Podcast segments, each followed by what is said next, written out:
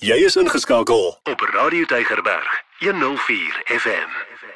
Baie welkom by ons weeklikse geselsie met 'n kliniese en pastorale terapeut Dr. François Swart en ons pak allerlei lewenskwessies sommer kaalvuis aan.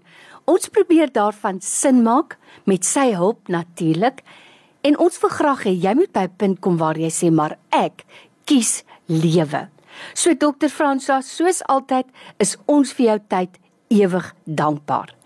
Nou vandag wil ek praat oor 'n ding wat vir my bietjie moeilik is om te verstaan partykeer. Ek weet die Bybel sê moenie vrees nie. Die Here sê wees oor niks besorg nie. Alles beteken maar net een ding, moenie worry nie. Maar nou is daar 'n fyn lyn tussen mense wat sê, "Jong, nee wat?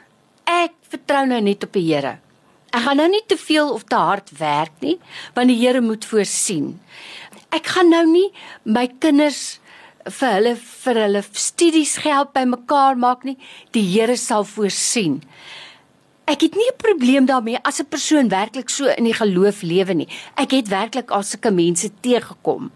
Maar wanneer word dit 'n ontvlugting om te sê, nee wat ek bekommer nie, ek vertrou op die Here.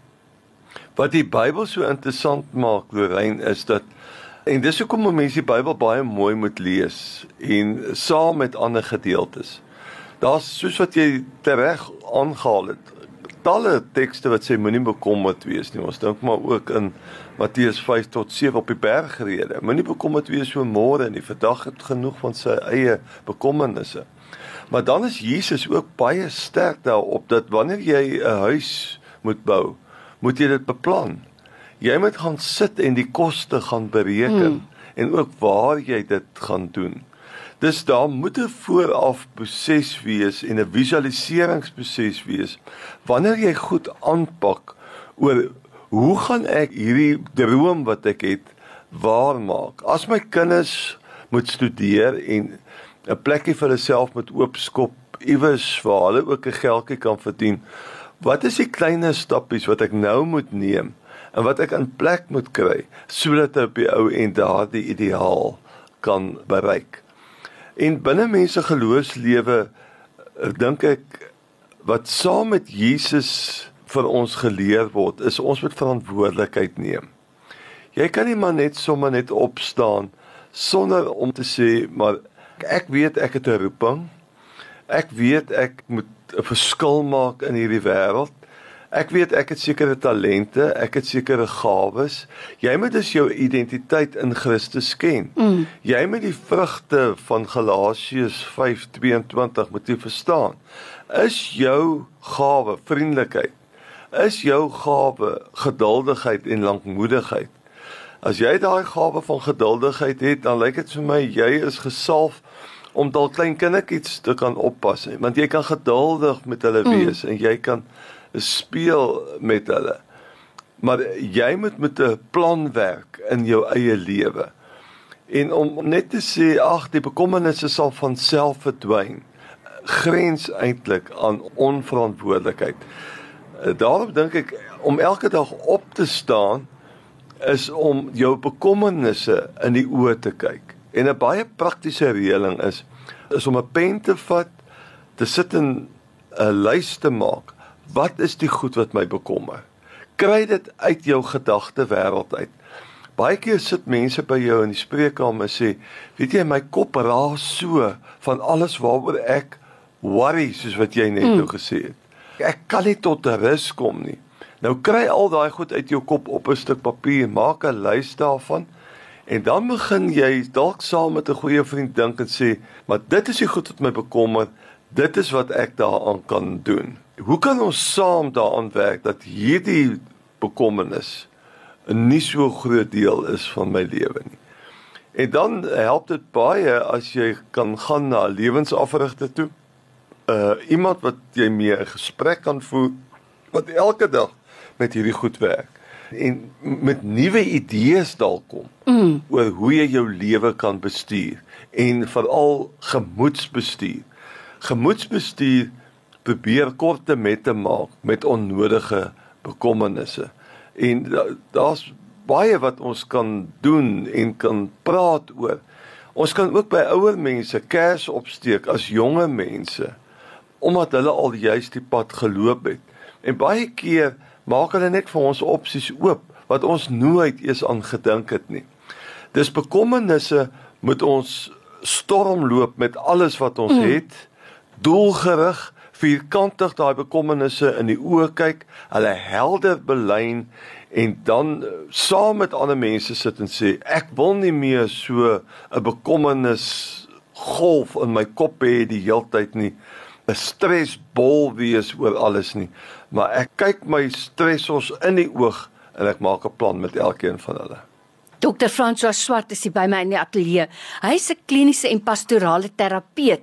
Ons pak lewenskwessies sommer kaalwys aan. Soos Dr. François nou gesê het, ons loop hulle storm.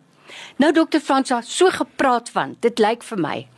As ek kyk na die boodskappe wat ons kry in die ateljee gebedsversoeke, die een ding waaroor mense die meeste bekommer, sekerlik, is skuld. Nou het ek al gedink, dit is vir my byna asof mense dink ek gaan net worry daaroor en hoop dat sê net maar van my 15 skuldeisers gaan van my vergeet. En en die ander gaan ek maar wag tot hulle nou vir my kontak. Maar intussen lê jy swaar, jy kry swaar omdat jy daai ding maar net elke keer agteruitstoot. So ek weet bekommernis oor skuld is groot ding. En dan 'n ander ding dokter Franso wat jy nou gesê het en wat so waar is en ons praat so baie daaroor, beplanning. Net die beweging net om jouself in rad te kry om goed neer te skryf en te definieer. Dink ek kan al klaar 'n groot las van jou skouers afvat. Want dan kan jy mos nou op daai papier sien. Hier kan ek iets aan doen, daar kan ek niks aan doen nie. As ek nou so 'n klomp skuld het, die skuldeisers sê gewoonlik moenie weghardloop nie. Gaan na daai mense toe en sê vir hulle ek sukkel nou, maar ek wil julle betaal, help my. Hoe verwoord 'n mens so versoek? Ek dink 'n mens moet vir mekaar kom sê as jy skuld het en jy's verleë dan, want jy besef jy's in die moeilikheid. Mm. En dit bring 'n swaar donker wolk oor jou gemoed. Jy's amper half skaam daaroor en jy wil nie daaroor praat nie, jy wil dit nie erken nie. Jy gaan in ontkenning in en hoop net dit gaan weggaan. Ek dink jy het dit so mooi vir ons gesê dat gaan na jou skuldeisers toe en probeer om jou trots bietjie in jou sak te steek en sê weet jy ek is in die moeilikheid maar ek is bereid om te betaal. En ek is bereid om teen hierdie tempo dit af te betaal.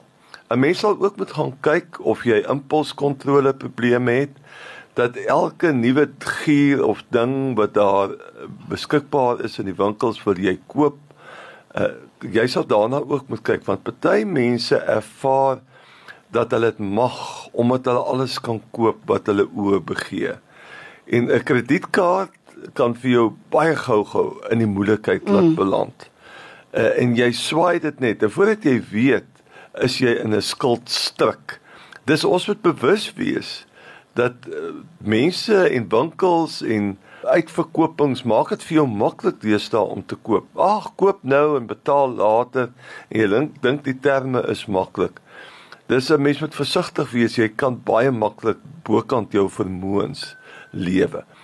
Maar ek dink die gelukkige ding is as jy van jouself kan loskom en jou trots en kan besef ek is in die moeilikheid rondom hierdie saak, maar ek gaan dit ook in die oog kyk en ek gaan na mense toe kom en nie weghardloop nie, want hulle sê dit is my situasie.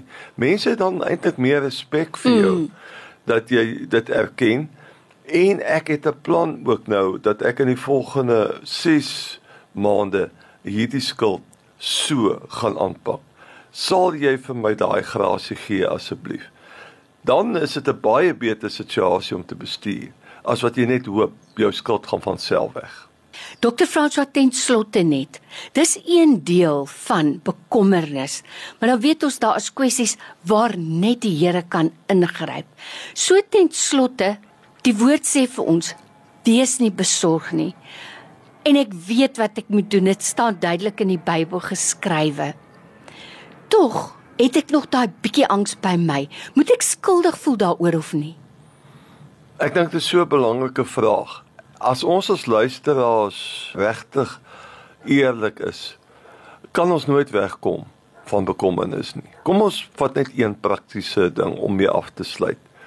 As jy by jou kleinkind of by jou eie kind se siekbed staan en jy weet dit gaan nie so goed nie, mm. het jy bekommernis. Mm. En om sommer net te sê, ag weet jy, dit sal self weggaan. Jy wonder, daar's 'n klomp goed wat deur jou gedagtes gaan. 'n Goeie tegniek met bekommernis is om nie vooruit te hardloop nie. Die ou mense het gesê die Bobbejaan agter die berg te gaan haal nie. Bly in die oomblik en werk met dit wat jy kan beheer. En probeer konsentreer om in die Here te bly en nie die brein toe te laat om met jou weg te hardloop nie. En dan vat jy dit stap vir stap. En dit is die beste manier om om te probeer cope. En so beweeg jy van oomblik tot oomblik. En ons kan afsluit dit ook om sê niks bly dieselfde nie. En weet met die tyd saam gaan die situasie verander en dan gaan daar ander opsies op die tafel kom. Dr. Franswa, wonderlike wyse woorde. Ons waardeer dit. Baie dankie weer vir vandag en ek sien uit na volgende week. Dankie Lorraine en sterkte vir al die luisteraars. Elke dag jou nommer 1 keuse. Radio Deugerberg 104 FM.